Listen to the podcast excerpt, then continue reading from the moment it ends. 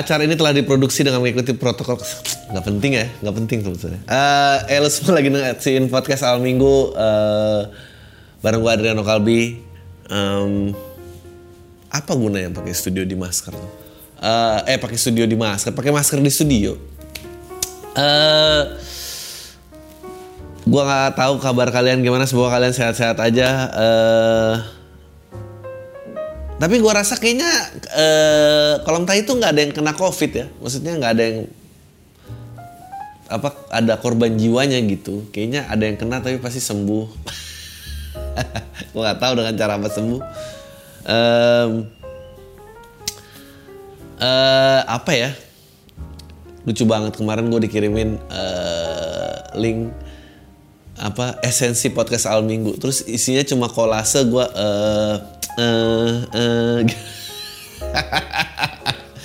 Karena ini bukan acara yang mudah ini acara yang em, di saat mending rolling gue harus mikirin gue ngomong apa. Pandemi eh, jadi gue bersyukur banget eh, kalau emang nggak ada ternyata nggak ada korban jiwa eh, dari pendengar eh, podcast ini gitu. Maksudnya nggak ada orang tuanya atau saudara atau apa gitu. Kalau ada karena dari email-emailnya sih nggak kelihatan orang-orang punya concern covid ya. Maksudnya check in lah diselingkuin kakek-kakek lah em, nggak ada gitu. Nggak ada yang menjaga protokol kesehatan dan baik-baik aja ternyata. Eh, jadi bagus lah kalian tuh nggak eh bukan dan itu kayaknya eh, nggak ada yang kehilangan pekerjaan juga. Jadi gua kayaknya mungkin ada kali ya. Tapi kalau udah kehilangan pekerjaan dan masih dengar podcast ini kan juga buat apa gitu? Mendingan konsentrasi cari pekerjaan dong daripada dengar podcast ini. Eh menurut gua bagi yang kehilangan pekerjaan gue punya tips simple. Anjing akhirnya ada manfaatnya juga podcast ini untuk lu mendapat pekerjaan sebetulnya gampang ya di era informasi ini. Gue dulu cari kerja pertama kali tahun 2005 internet belum sekencang sekarang email gue aja baru punya tiga tahun. Eh, email baru punya tiga tahun. Eh, Friendster waktu itu masih ada. Gue bangga banget Friendster punya dua account men karena pertemanannya maksimum 500 buat apa juga nggak tahu lah. Waktu itu Desta aja Friendster punya 8 loh gokil. Gue masih inget tuh. Eh, Facebook baru keluar. Ternyata limitasi itu bagus kan. Gue tuh dulu kesel loh kayak apa nih Friendster katro temen gue kan lebih dari 500 sekarang gue tuh kayak ya ampun 100 orangnya kebanyakan temen gue yang gue buang-buangin. Eh gue lagi ngomong apa tadi? Oh nyari kerjaan. Nyari kerjaan tuh susah karena eh, informasi nggak banyak. Gue masih harus nyurat ngirim CV fisik. Dikirim hmm, email ada tapi masih jarang yang buka. Eh dulu harus ikut mailing list. Kalau sekarang kan tinggal Google ya jadi mesti ada. Nah sehari ngirim 3 CV nggak nggak sulit dong. Eh, ngirim 3 CV tiap hari aja gitu. Masa sih sebulan nggak ada yang manggil satu gitu? Tapi kalau lu bilang ya habis nggak ada kerjaan. Terus lu ngirim 3 CV aja nggak bisa Menurut gue emang lu sampah sih maksudnya ya lu pantas lu nggak dapet kerjaan gitu. Masa ngirim 3 CV aja susah? Em, jadi nggak ada alasan. Sebetulnya di, di era teknologi ini menurut gua menunjukkan era teknologi. Udah ada kali dari Thomas Alva Edison juga era teknologi bangsat. Eh, di era sosial media ini. Menunjukkan bahwa sebetulnya manusia yang nggak bisa menciptakan kesempatan buat dirinya dia emang loser dia kalau nggak bisa hidup di zaman ini dia lebih nggak bisa hidup di zaman sebelum sebelumnya karena zaman ini zaman yang paling mudah. Meskipun ya banyak lah eh, minusnya juga kayak zaman dulu putus putus aja. Sekarang kalau putus gue sebar foto telanjang lo. Dulu gak kayak gitu. Dulu jarang lah dulu Nanda Itena saja. Video bokep kesebar gara-gara. Dia lagi mau convert video 8 video 8 bahkan. Lu kalau nggak tahu video 8 apa mini DV gitu. Pokoknya kaset video yang kecil banget ke bentuk VCD dan waktu itu cuma ada di Glodok. Ini tuh bukan case HP hilang terus memori di ini dan segala macam. Dia nggak dia bener-bener bikinnya pakai handycam pakai tripod pakai ada boom mic-nya mungkin. Begitu direkam di mini DV atau video 8 itu ini nggak bisa dijadi bentuk file. Dia harus convert ke glodok nah di glodok lah disebar.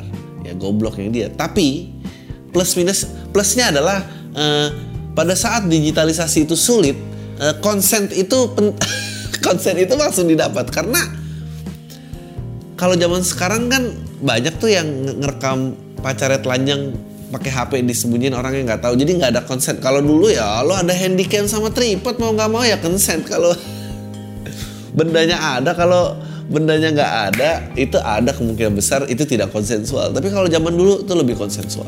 Ya itulah plus minusnya. Um, zaman sekarang eh zaman dulu nggak ada putus di ancam-ancam disebar gue sempet satu kampus sebetulnya sama cewek. Uh, ya jadi jadi menurut gue misalnya lu harusnya bisa membuka kesempatan buat diri lu. Gue tahu zaman susah tapi I guess ekonomi berangsur-angsur pulih nggak tahu. Uh, vaksin sedang mulai digencar dijalankan. Um, dia tuh manula manula udah mulai uh, koruptor koruptor udah duluan ya uh, selamat Karena lu tau gak karena gue udah pernah ngomong ini, koruptor tuh diselamatin karena banyak duit konglomerat lain yang nyangkut di dia. Jadi kalau dia mati, ntar semua duit orang semua orang kekunci. Kalau lo mati kan nggak ada duit orang yang terkunci di lo, pasti lo nggak diutamakan. tapi tapi emang gitu, eh, derajat kehidupan manusia tuh emang nggak sama. Semakin banyak yang butuh akses kalau harus melewati diri lu semakin akan diselamatkan. Kayak lu pimpinan perusahaan, lu pasti berusaha diselamatkan. Tapi kalau OB kantor tersebut ya mati mati aja. Kayak ya gue cukup penting lah. Menurut gue pentingnya hidup lu tuh harus selaras dengan pertambahan umur lo.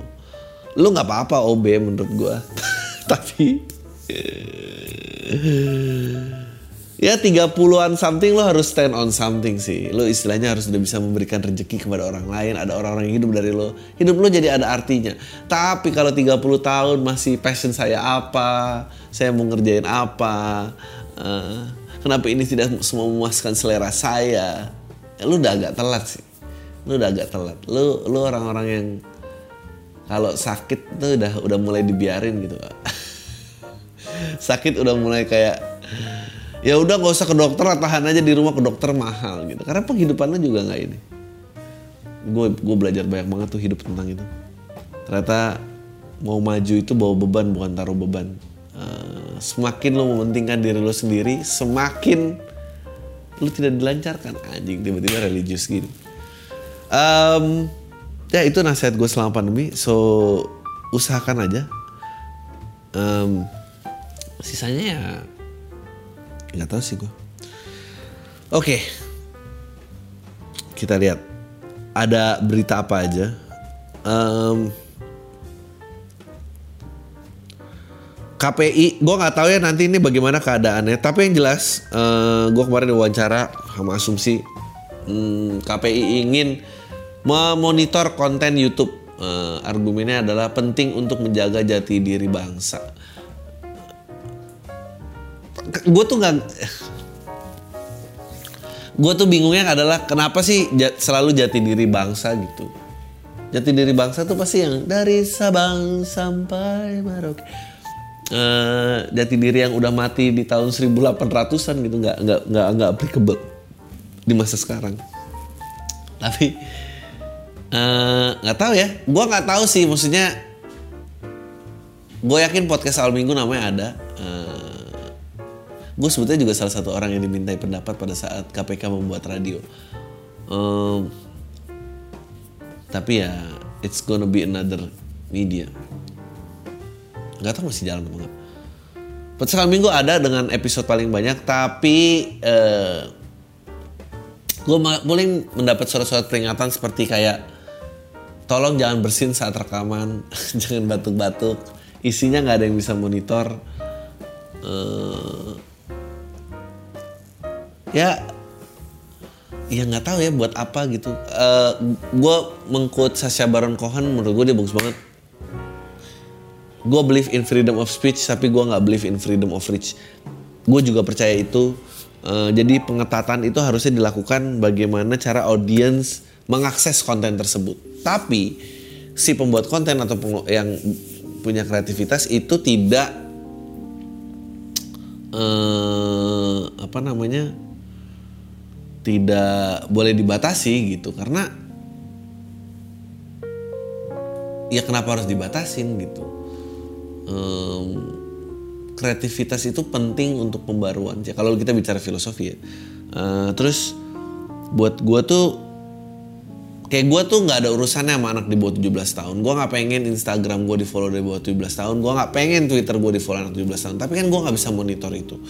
Gue nggak bisa Uh, nah KPI itu kalau mau ada di tempat-tempat seperti itu sih. Dia berfungsi sebagai uh, pengetatan penonton kategori. Dia sama sensor tuh misalnya dia mereka menjadi satu tapi ya gitu. Apalah yang bisa diharapkan dari badan yang mensensor tete sapi dan SpongeBob tanpa basis penelitian dan hanya uh, bermodalkan kecemasan ibu-ibu komplek kalau kecemasan ibu-ibu kompleks siapa juga semua disensor bangsa. Uh, ya, gue nggak tahu bagaimana. Kayak diminta dia KPI meminta diberi kewenangan untuk memonitor ini, ini, ini. Diberi kewenangan tuh oleh siapa presiden? Jati diri bangsa. Gue penasaran pada saat lo menyebutkan penting untuk menjaga jati diri bangsa, kreativitas tuh kan langsung ke limit kan. Maksudnya kita nggak bisa ngomongin uh, separatisme. Bagaimana ada daerah-daerah lain yang sangat tersiksa. Uh, kita nggak bisa ngomongin apa sih yang terjadi sebetulnya di antara friksi antar suku? Karena itu mengancam jati diri bangsa. Kita nggak bisa ngomongin tentang pe kepemerintahan atau protes terhadap pemerintah. Kita nggak bisa ngomongin yang di luar budaya sopan santun karena melanggar jati diri bangsa. Um, kita nggak bisa uh, ya banyak hal ya. Maksudnya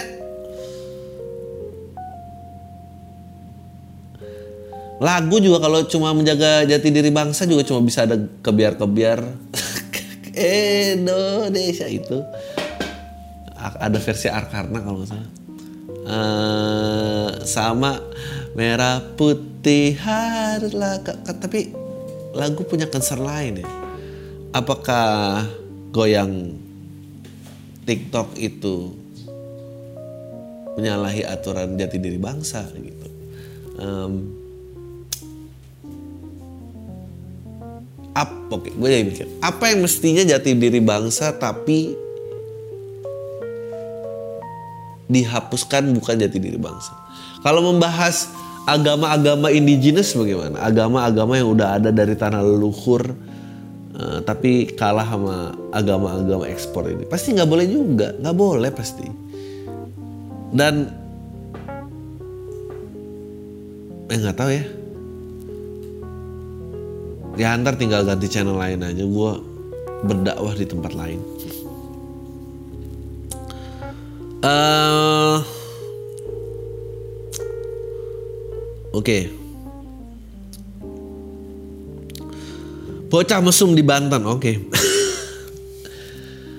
uh, ah, ada yang mesum siang-siang di belakang rumah toko, ruko di desa Karyo. Ya ampun.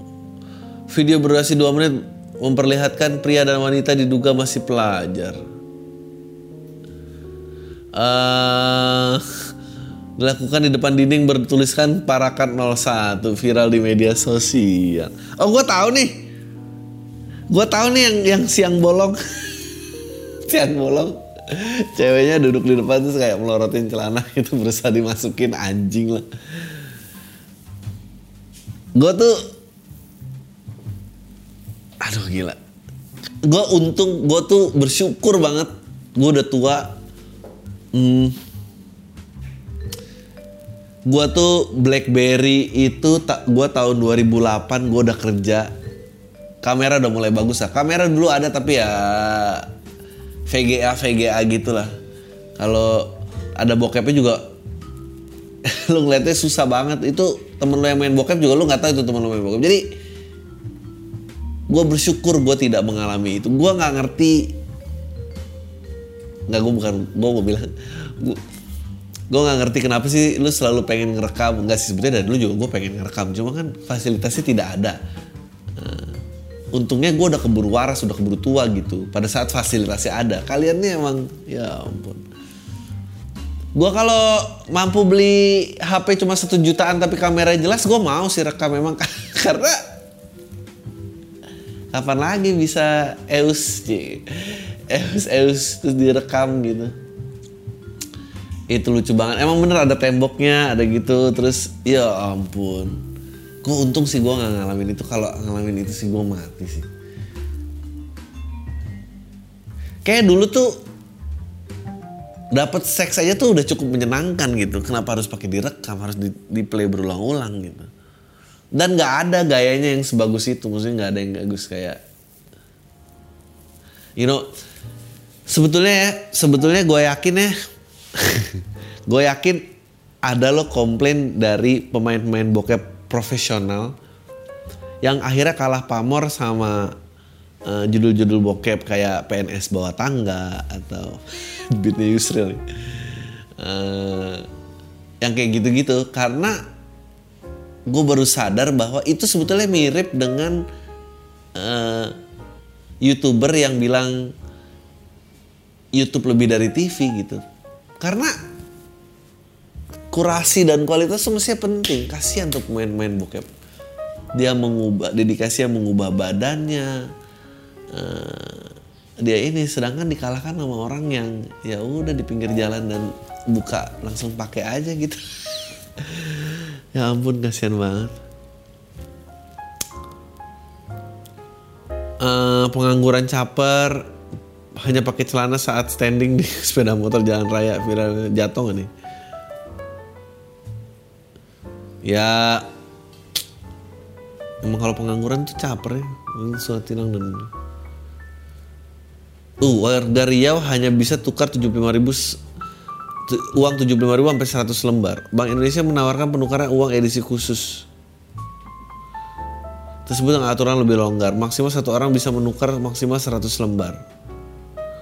Ke 75 ribu ini diluncurkan 2 Agustus 2020. Menukar uang tanpa harus melakukan registrasi lebih dahulu. You know, lo kalau nggak ngerti cara lo kalau nggak ngerti inflasi memang orang-orang tuh berburu uang sih kayak hoping ini nanti bisa jadi investasi karena kelangkaannya uh, di, di kemudian hari. Tapi terus to the matter adalah kalau lu mengisu uang baru, itu tuh nilai uang lu tuh menurun loh. Karena uang yang beredar jadi lebih banyak. Kecuali kecuali mereka emang e, mengeluarkan itu dengan siasat menarik pertukaran uang-uang lama di jalanan. Permasalahan dengan uang fisik itu kan disebar nih saya 100 lembar. Nanti ntar pas mau diambil itu baik cuma 80 lembar 20 lembar tuh hilang di jalan.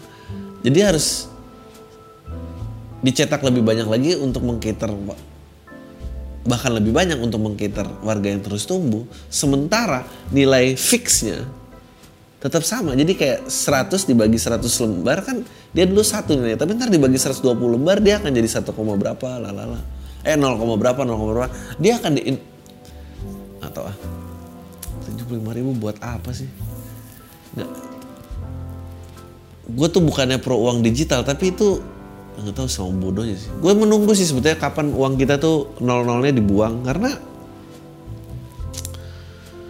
mau sampai sebanyak apa bro gila udah 100 ribu tuh banyak banget loh dan dan cuma 100 ribu yang diterima money changer luar negeri 50 ribu 2 ribu gitu udah nggak ada nggak ada gunanya sih Anjir, gue tuh dulu masih sekolah masih ada lima perak. Sepuluh lima, gue satu udah nggak ada, tapi lima ada, tapi masih ada tuh koin-koin satu. Gue masih lihat bentuknya dua lima, jigo. Gue inget banget seratus tuh dulu permen empat. Sekarang paling berapa seribu? Cuma empat. Gue dulu inget garpit cepet terus naik dua setengah naik gope sekarang seceng Gak dapet sekarang 5003 gitu. Anjing. Sedih emang negara ini. Uh, wanita ini baru tahu kalau dia pria usia 25. Wanita ti Cina Timur berusia 25 tahun mengetahui dia terakhir sebagai laki-laki. Ah. Berbeda dengan Aprilia wanita yang sudah menikah ingin memiliki anak selama 12 bulan ia mencoba untuk bisa mengandung. Oke. Okay. Seorang wanita asal Cina Timur yang berusia 25 tahun baru mengetahui bahwa dia terlahir sebagai laki-laki. How the fuck? Berbeda dengan Apri, dari Aprilia, wanita ini sudah menikah dan ingin memiliki anak selama 12 bulan dia mencoba untuk bisa mengandung. Namun ia terkejut saat mengetahui bahwa dia sebenarnya terlahir sebagai laki-laki dan intersex.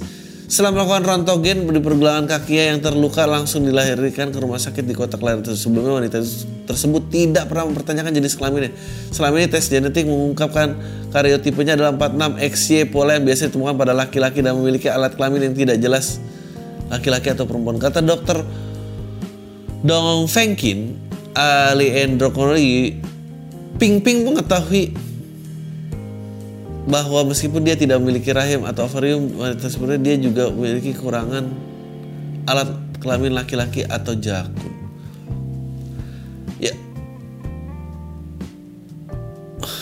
gue tuh kayak gini-gini tuh kasihan, kasihan pasangannya gue. Harus apa jadi pasangannya tuh? Ya terang nggak hamil. Udah gitu ntar pasti ada satu temen yang kan gue tuh bilang dia laki gitu. anjing tuh temen yang harus dibunuh tuh. Lu nggak percaya sih gue udah bilang dari dulu kayak aneh gitu kan jadi dia tidak memiliki rahim tapi dia juga tidak memiliki alat seperti laki jadi incomplete. Aduh. Tapi kan di Cina manusia banyak ya maksudnya. Mungkin seleksi alamnya gitu kali ya alam akan membentukkan loh bentuk uh, di mana bawa ke mana manusia evolusinya. Kalau rakyat udah banyak mungkin dia nggak bisa beranak kali tahu juga. Uh, oh Megan dan Harry sini ada yang ngikutin interviewnya uh, Megan sama Oprah itu nggak sih? Gue sebel banget sih nonton interview itu. Oprah kawin aja kagak. Sok-sok wawancara orang betapa menderitanya kak pernikahan lu nggak kawin gitu ngapain sih? Uh, dan Megan juga cuy lu kawin sama kerajaan udahlah emang lu diharap apa gitu. Ya gue shock banget mereka discuss betapa nanti bayinya tuh terlahir kulit putih apa enggak. Ya dia orang Inggris gitu maksud gue lu tuh terus mau ngapain lu? Ini ini tips ya buat perempuan ya menurut gue Makanya jangan pernah menikahi lelaki yang terlalu kaya kecuali lu bisa ikutan dibeli. Kalau lu masih punya nurani atau punya keinginan pribadi, menurut gue carilah pasangan yang bisa mau berjuang bareng-bareng. Karena jebakan dari jebakan dari mertua yang terlalu memfasilitasi itu anak yang nggak bisa apa-apa. Itu pasti. Harry juga nggak berani mau ngapain. Udah aku nggak mau di sini. Ya kamu pergilah dari cengkraman keluarga kamu. Gimana pergi? Yang lamar kerja nggak pernah. Punya bos nggak pernah. Dia pernah magang jadi tentara. Tapi menurut lo emang dia kalau jadi tentara ditembak apa kagak men? Anaknya bos. Nggak ada yang kualitas yang baik dari anaknya bos. Anak orang kaya. Pokoknya lo gue kasih tau ya perempuan perempuan lo kalau ketemu orang tua yang terlalu welcome itu tandanya anaknya nggak bisa apa-apa beneran. Lu mendingan cari lelaki yang bisa ngelawan orang tuanya. Meskipun ini syarat yang tidak sama ya kayak gue sih berani ngelawan orang tua gue tapi gue tuh nggak berani ngambil perempuan nggak restu nggak dapet restu orang tuanya. Perempuan menurut gue tapi kalau laki lu lu ja- jangan terlalu aduh nggak bisa apa-apa men. Harry ini nyuci motornya pasti nggak pernah yakin gua yakin terus lu berharap apa? Dia begitu begitu emang dia begitu aja nggak bisa. Lu kan juga nggak pernah kerja ya si Megan ini. Lu berani ke kontrakan rumah petak?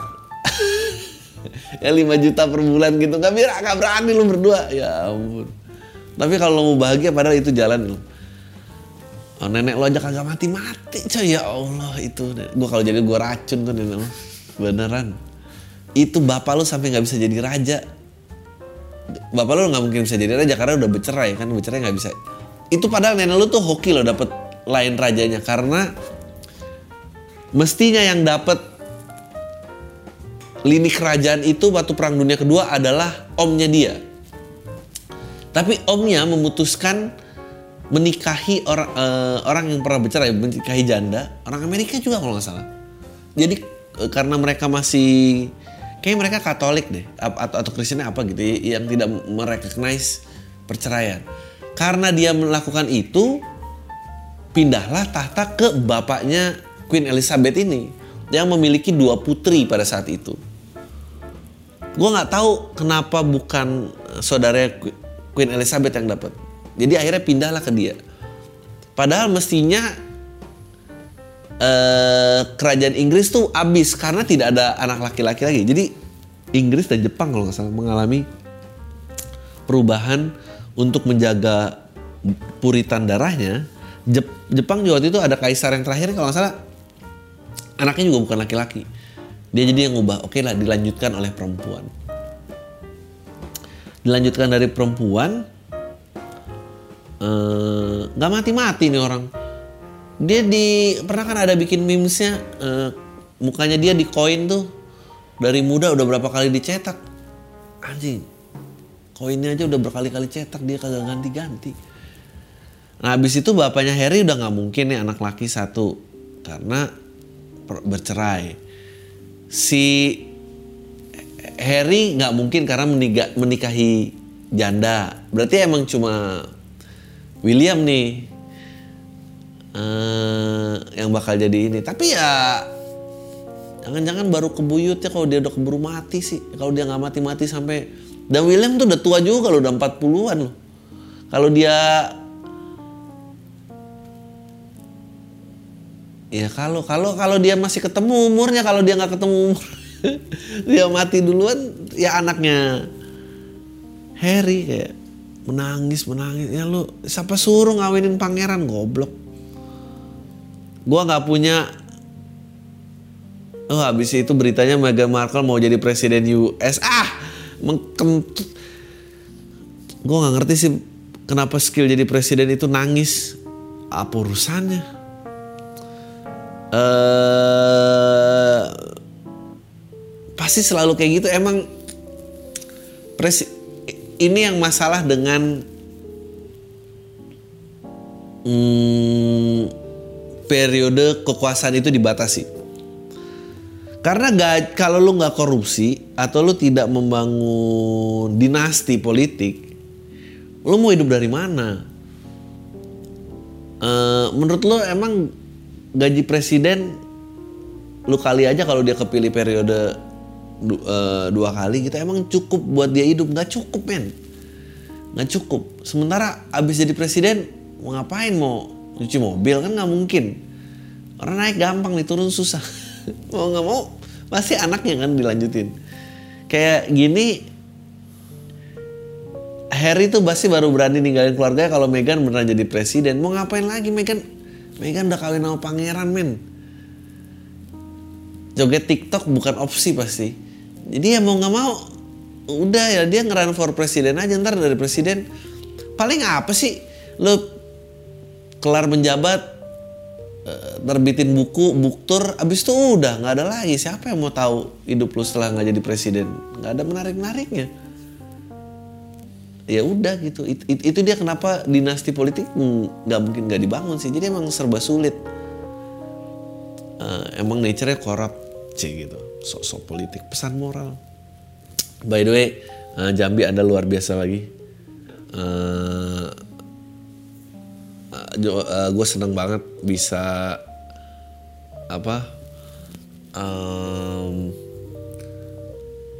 tampil dan sangat menyenangkan. Nah, habis ini kita let's go to the question. Bentar ya. Eh, harus baca. Eh,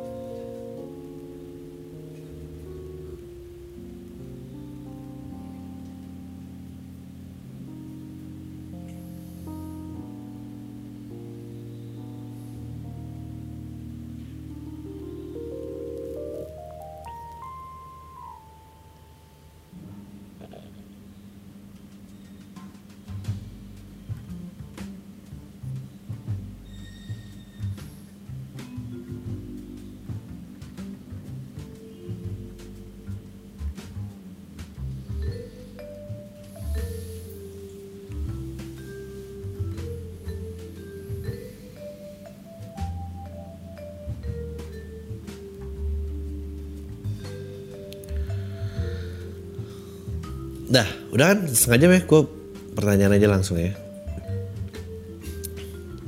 Gue lapar banget nih setan.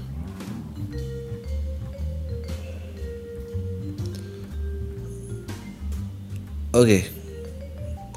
Orang tua dan temen-temennya yang bangsat.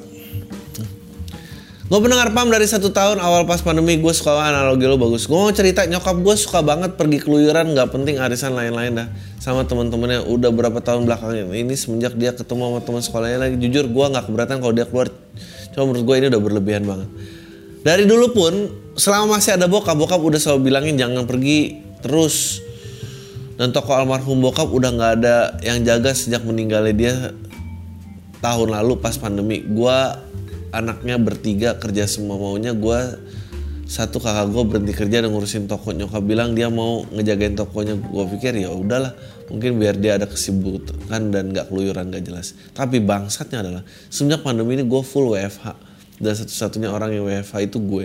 Dan ketika dia mau keluar rumah dan tidak penting kebutuhannya itu gue selalu jadi tumbal untuk jaga toko. Ketika gue hektik dan kerjaan weekdays sambil jaga toko bisa kebayang dong gimana. Udah gitu suka ngundang teman-teman tuanya yang bangsat itu nggak tahu waktu. Lalu juga hampir tiap hari kerjanya video call sama temen-temennya. Heran gua kayak nggak pernah ketemu lama banget gitu. Ya mungkin karena orang udah nggak punya kesibukan juga jadi begitu. Mending kalau temennya tajir atau berada ini udah susah kalau nggak punya duit minjem keluarga gua tapi nggak ada untungnya dia berteman sama orang pandangan lu gimana? Menurut gua tutup aja toko lo menurut gua tutup aja toko lo buang dan kasih ke nyokap lo karena karena nggak ada yang bisa ngawasin lo harus kerja kan? Lo yakin lo harus kerja kan? Jadi ya eh, ya udah gitu. Mau mau gimana gitu kan? Eh, menurut gua apa namanya eh biar ibu lu sadar gitu bahwa ya udah duit cuma segini gitu kan lo nggak mau juga ngejagain gua nggak mungkin gua kerja. Jual aja toko lo. Eh, daripada ribut mulu ya kan? Hmm, soalnya susah main pandemi ini. Tuh gue tuh gak gue udah nggak tahu lagi sih sebetulnya emang. Sebetulnya tidak ya bener ini disebut new normal karena normal hanya akan seperti ini gitu. ini kita nggak akan balik ke masa lalu. Gue ragu gitu kayak akan ada hari di mana kita akan tidak memakai masker lagi. Masker ya kayak udah lu pakai celana dalam aja gitu. Mau nggak mau lu pakai Celana dalam. Ya ada sih orang-orang yang keluar nggak pakai celana dalam tapi itu kan rebel banget gitu. Ya, nanti masker akan kayak gitu aja menurut gue sih. Mau diapain lagi? Uh, bukan cerita seks remaja-remaja goblok. Kayak apa sih seks remaja pinter tetap seks apa kabar? Saya mau nanya podcast akan ada fase kerennya sampai kapan? Atau memang podcast udah bukan hal yang keren lagi? Udah bukan hal yang keren lah. Keren tuh zaman Deddy Corbuzier belum main podcast. Kalau udah Deddy Corbuzier main uh, ya semua orang kan udah main udah nggak seru udah nggak seru. Pokoknya patokannya begitu artis TV ikut main tuh nggak keren. Nggak keren. kan? Gue kemarin gue tuh penasaran lu google ini gue tuh penasaran Aldi Taher tuh siapa gue nggak ngerti kan kayak kenapa orang ini ada coba lu google uh, dulu siapa siapa uh, si Saiful Jamil kan di penjara tuh. Saiful Jamil tuh dulu kawin sama Dewi Persik. Dewi Persik tuh dulu ternyata ternyata Aldi Taher tuh gitarisnya Dewi Persik ya. Lo lihat deh ada acara dahsyat atau apa gitu. Uh, si DP tuh nyanyi zombie. Anjing banget zombie. Lu tau deng deng deng deng deng deng deng deng. Itu lagu bagus loh. Sama Dewi Persik zombie zombie zombie zombie. Ya Allah sedih banget. Sedih lah pokoknya. Nah, Aldi Taher tuh main gitar di situ. Gue tuh mikir kayak ya apa harapannya Aldi Taher mau jadi apa? Gue tuh ngeliat Aldi Taher tuh takut loh itu orang frustasi men. Dan dia ngerasa dulu itu tuh keren. Padahal waktu dia jaya juga kayak keren kayak keren. Lu lihat lu lihat lu lihat zombie by apa? Bukan cupe siapa tadi gue bilang? Dewi Persik DP zombie by Dewi Persik. Itu ada gitaris Aldi Taher nggak bisa main juga Uh, semua seliweran kayak ulama utama Spotify itu bermodal tamu-tamu yang juga kalangan terkenal buat nyari angka viewer dan listenernya juga terus naik dan sok deep talk, sok smart talk, sok ngomong bangsa anjing babi sama ketawa-tawa doang biar nggak dead air nutupin isi kepala mereka gitu sebenarnya. Gitu bang, makasih banyak buat kalau bisa dibaca sukses buat Pam walaupun udah nggak di top. walaupun udah nggak ada di top podcast Spotify semoga Bang Adri sehat terus dan makin kaya raya. Amin. Udah nggak keren men.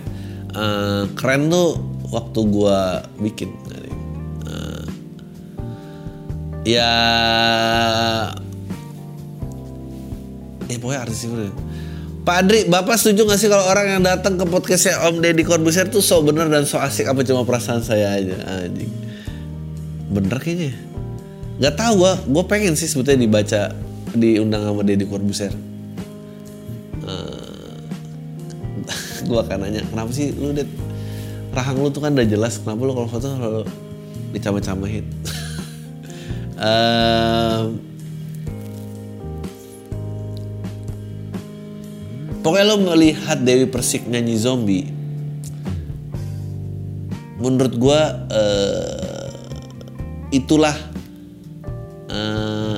rata rata-rata intelektualitas warga negara Indonesia menurut gue itu juga rata-rata intelektualitas yang mengenal TV ya yang tidak mengenal TV lebih banyak. Maksudnya di desa listrik belum masuk gitu. Tapi mayoritas itulah. Jadi Deddy Corbuzier aja masih mayoritas elit. Uh, jadi emang cuma segitu. Itu tuh ya udah segitu aja. Eh, nggak uh, mungkin yang namanya jadi gua tantang marketer terbaik sekalipun bisa menjadikan PAM itu mainstream gak bisa. Udah cuma segini-segini aja.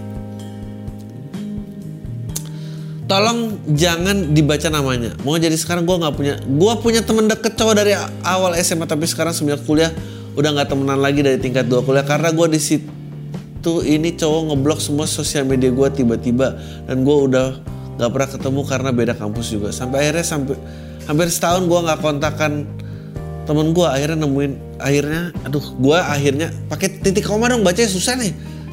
Uh, temen gue akhir temen kontakan teman gue akhirnya nemuin gue ini sama cowok ini. Temen gue akhirnya nemuin gue sama cowok ini biar ngomongin ada masalah apa. Di situ dia jelasin ternyata pacar dia tuh cemburu sama gue sampai mau putus kalau cowok ini tetap kontakkan sama gue akhirnya ya udah. Setelah pertemuan ini cowok itu bikin akun Instagram bodong gitu buat kontak-kontak gue yang ujung-ujungnya juga ketahuan sama ceweknya wah ini pasti seru nih. Pasti ditidurin temen ini yakin gue sampai akhirnya awal tahun 2020 gue akhirnya ketemuan nih sama temen gue gara gara-gara niat pengen ya udah ngobrol main aja sekalian mbak balikin barang dia yang suka gue pinjam. Di sini gue nyamperin ke kosan dia karena ceweknya suka mantau Zenly paket anjing serem banget aplikasi track GPS lewat HP cowoknya. Nah kita awalnya udah suka ya udah bercanda aja kan nonton digital download stand up dan kawan-kawan sampai satu momen nih cowok tiba-tiba nyosor tuh kan. Jadi ya udahlah intinya di situ gue ciuman sama dia. Sebuah tragedi itu bingung dong mau bersikap kayak apa dan akhirnya gue nge DM dia lewat IG akun bodong itu. Maksud dia kayak gitu apa karena di situ posisinya kayak gue udah punya cowok dan dia udah punya cewek akhirnya situ gue ambil keputusan kalau emang kayaknya gue sama dia udah nggak akan berteman lagi doang jadi mendingan saling ngejauh aja. Nggak akan berteman doang jadi oke. Okay. dari sini posisi si cowok bilang ke gue minta semua cerita ini dirahasiain berdua aja. Eh si anjing ini ternyata mulutnya emang nggak bisa dijaga ternyata dia cerita tuh ke teman-teman deket dia sampai cerita ke circle pertemanan gue sampai hampir semuanya tahu dan pada percaya ke dia. Ternyata si cowok ini ceritanya beda dengan cerita asli. Dia bilang gue yang nyosor ke dia duluan. Gue tahu ini dari temen gue di sini ya udah ya cuma ciuman doang. Tapi kenapa dia mendadak cerita ke orang-orang yang padahal di sini gue aja nggak cerita ke siapa-siapa padahal cowok gue aja nggak tahu sampai sekarang diceritanya bilang sampai gue nyosor duluan. Belum lagi ngaku-ngaku having sex lagi sama gue najis banget. Tinggal main ganti temen lu. Dan teman-teman circle gue pada percaya sama ceritanya padahal hasil nyosor duluan tuh dia. Tangannya berkali-kali megang gue nahan leher di gue megang leher gue sampai nyosor berkali-kali. Kalau gue niat muslim sampai having sex gue nggak bakal nyari yang lebih gua gua gua juga bakal cari yang lebih dari cowok gua kali nggak bakal milih cowok yang kerjanya cuma bisa nongkrong dan ngeband lagu-lagu yang nggak jelas cuma ikut-ikutan kayak fish intinya di poin ini gue mau cerita biar nyebar dari ceritanya si anjir tai banget dia dulu nyuruh gue diem aja rahasiain berdua toto dia sebar ke teman-temannya ditonton gue sampai cowok dan tonton ini udah dengar gue cuma mau sampein anjing lu Glin Anjing lu delin. D-L-I-N ya. Ya anjing lu delin. Makasih buat Pak Ari udah bacain emailnya. By the way, makasih juga buat podcastnya udah nemenin gue selama ngejalanin tugas saya. Maaf ya panjang. Anjing lu emang. Lagi juga ngapain sih nyium orang di ini ini uh, iya itu menurut gue ih cowok laki yang kiss and tell tuh kata aja men percuma nggak ada gunanya tuh lelaki. Lagi juga lu ngapain sih akrab sama dia? Pantes ceweknya cemburu ya karena gue tadi mau nasihatin itu temen lu kasihan tuh. Kayaknya temen lu jadi nama psikopat tuh tolongin. Tapi kayak kalau kayak gini ya biarin they deserve each other. Yang satu psikopat yang satu suka cerita cerita ya silahkan aja. Berapa menit ya? Oke. okay. Bang, bagaimana pendapat lu tentang ini lucu nih. Bagaimana pendapat lu soal surat dari beberapa industri film ke presiden dan minta stimulus? Menurut gua soalnya agak gimana gitu secara yang disuarakan dalam keadaan bioskop kita terancam karena tidak ada minatnya penonton datang ke bioskop. Sedangkan kalau lihat timeline sosmed film lokal yang baru-baru tetap berjalan dan dirilis via OTT yang sekarang nyari kru sampai talent juga susah itu pun gue dengar di lapangan. Artinya para PH masih bisa dikatakan safe lah setidaknya dijual ke OTT kan budget produksi masih ketutup. Hanya bioskop yang terancam. Apa sebenarnya surat ini dorongan dari bioskop untuk mon mon bioskop monopoli itu? Enggak. Menurut gua uh, eh, OTT itu tidak membeli dengan harga, maksudnya revenue stream terbesar masih tetap dari bioskop. Jadi kalau lu bilang produksi aman ya model produksinya harus berubah. Yang tayang di OTT. Kalau lu bikin sesuatu untuk OTT, dia tidak tay istilahnya tidak cukup tayang, tidak cukup layak untuk tayang di bioskop. Tapi kalian-kalian ini kan generasi yang lebih mending nonton video bokep orang kan daripada video bokep yang produksi proper gitu kan. Jadi ya pasti kan jadi kalian tuh nggak ngerti emang kalian tuh udah nggak ngerti kualitas lah lihat OTT tuh ya ya bagus-bagus aja. OTT itu sampah men. Uh, jadi ya, ya susah. Meskipun gue nggak ya gue nggak sependapat sama lo meskipun gue juga tidak sependapat dengan uh, teman-teman yang selalu posting itu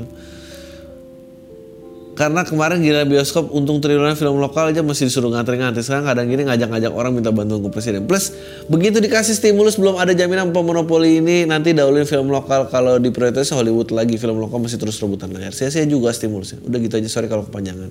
Kurang jelas berawan akhir ya opini regarding di isu by the way minta tips dong dan buku soal copywriting gue lagi mau arahin karir ke sana soalnya. Gak usah copywriter udah mati media udah nggak kayak dulu. Orang nggak ada yang menghargai iklan tidak ada yang mencermati iklan medium iklan. Sudah bermacam-macam. Mendingan sekarang iklan tuh semua nggak jelas. Uh, ada yang uh, dulu Brahma Kumbara Brahma Kumbaraan uh, terus uh, iklannya Grab yang gue suka sih musisinya. Yang orang ngomong diikutin nadanya Uh, gue suka musisinya, gue benci iklannya. Karena itu nggak nggak ngasih apa-apa tentang iklannya, gue nggak ngerti tentang produknya, gue nggak ngerti kualitasnya. Aman, uh, jadi Grab kasih up, fuck man uh,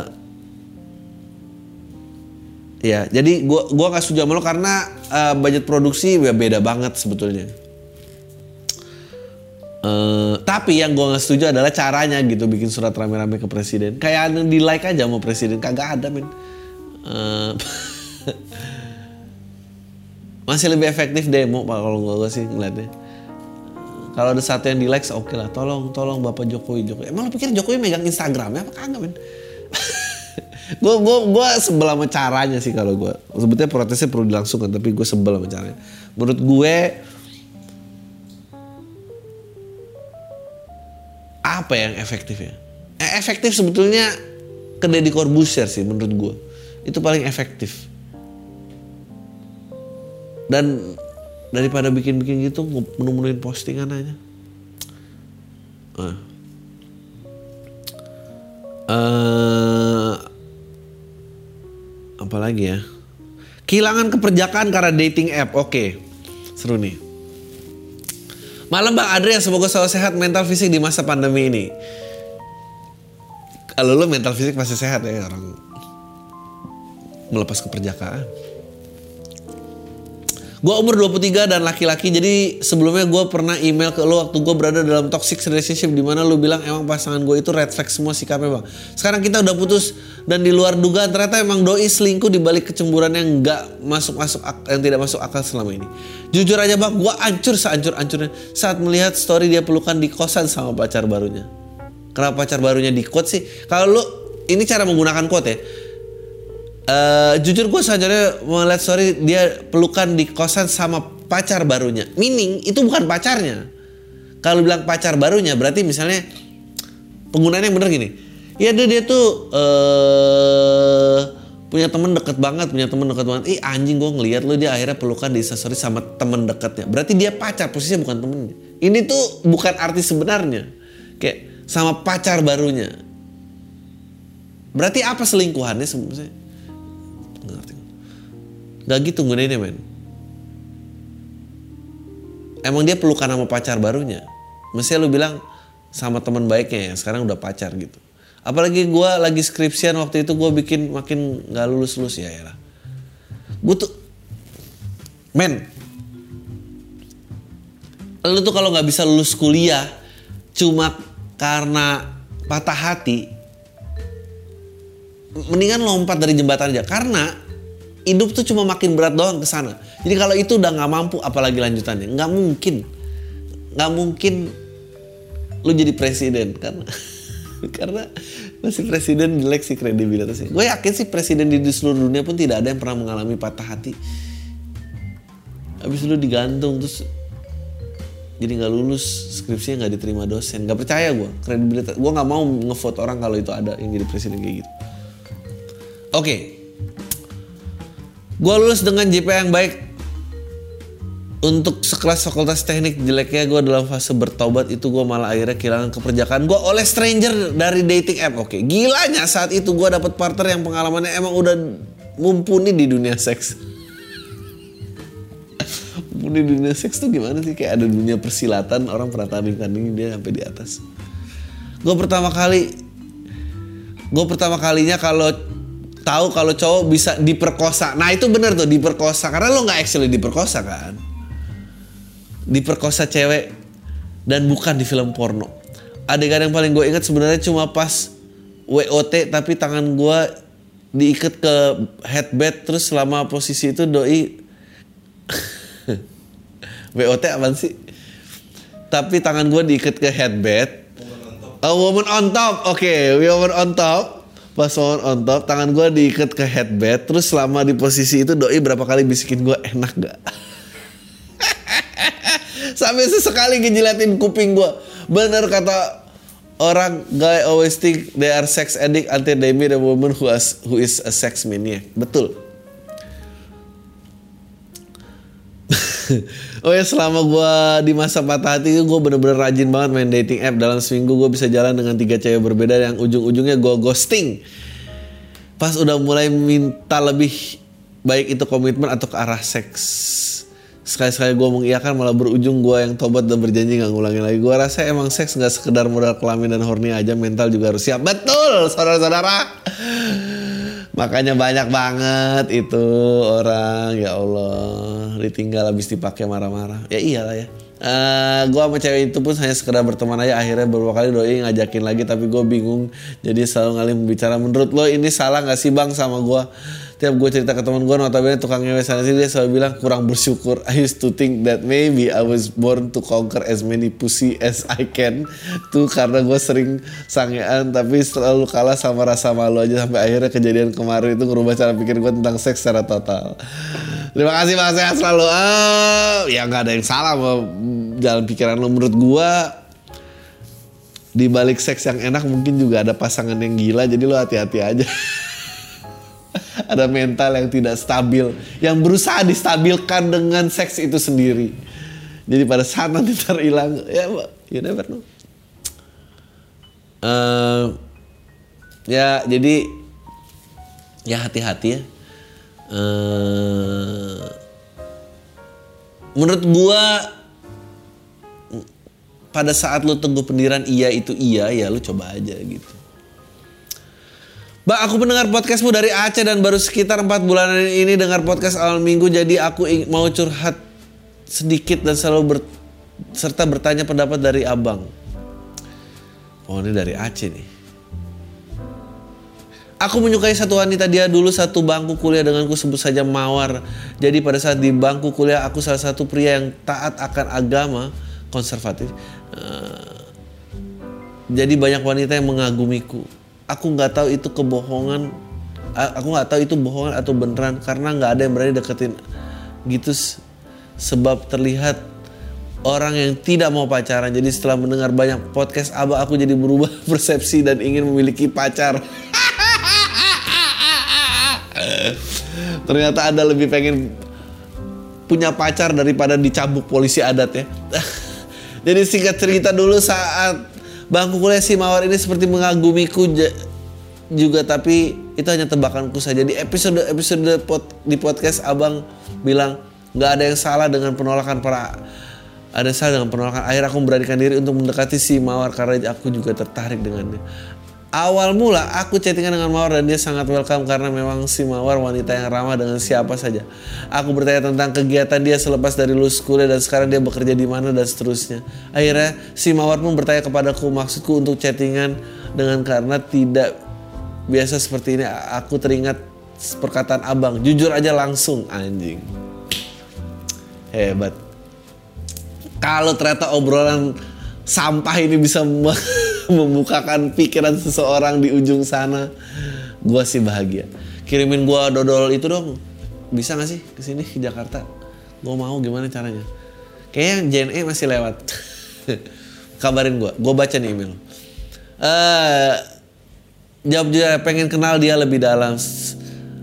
Aku menjawab pengen kenal dia lebih dalam. Setelah itu dia pun masih welcome sama aku bang. Dan itu sempat jeda beberapa hari sampai chattingan lagi. Tidak terlalu intensif dan kelihatannya si Mawar yang tadinya sangat welcome jadi bosan karena aku juga ngebahas chat dia pendek-pendek. Akhirnya aku memberanikan diri untuk mengajak dia ketemuan dan hari itu dia berangkat ke daerah tugas.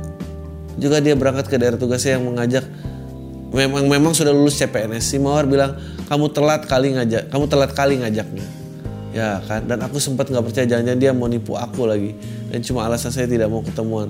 Besoknya aku lihat WhatsApp story-nya bahwa dia memang di sana di daerah jarak tempuh dari tempat tinggal sekitar 6 jam perjalanan mobil. Pada saat itu aku merasa rendah diri karena belum menemukan pekerjaan sedangkan dia sudah jadi CPNS. Ah goblok. Gak ngaruh men. Sekarang lu sekarang gak dapet kan kesempatannya. Akhirnya lost contact beberapa bulan. Nah menurut abang apakah si Mawar ada ketertarikan terhadap aku dan atau tidak? Dan aku harus bagaimana karena aku takut merasa spesial padahal enggak. Terima kasih Bang podcast sekarang aku merasa kenapa baru nemu podcast yang benar merubah sudut pandangku dan melihat sesuatu semoga diberikan kesehatan dan rezeki melimpah. Amin. Uh, menurut gue dia dulu yang pasti dia dulu tertarik sama lo. Uh, menurut gue jujur aja bilang ajak ketemuan sekali lagi boleh nggak? Atau bagaimana caranya bisa biar bisa ketemu ke tengah? aku mau mulai dari awal dan cerita saja apa yang membuat lo minder sebetulnya. Kalau ternyata yang lo ceritain itu buat dia itu adalah isu bahwa dalam artinya ya penting buat gue uh, orang itu CPNS, ya lo mundur aja. Tapi kalau dia bilang ah itu tidak penting, ya berarti lo bisa lanjutin gitu. Makanya hidup tuh jangan simpul di kepala sendiri aja. Ya di, di, dicoba aja gitu, maksudnya jatuh dan bangun lagi aja nggak ada lagi men gitu. Hidup tuh berhenti pada saat lu nggak mau bangun lagi. Kalau lu bilang gue takut merasa spesial padahal tidak. Lu itu dengan sekarang tuh lu udah ngerasa lebih spesial daripada yang kenyataannya. Karena dia nggak menuntut apa-apa sebetulnya itu cuma di kepala doang. Ya udah itu aja sih dari gue tayo semua. Deh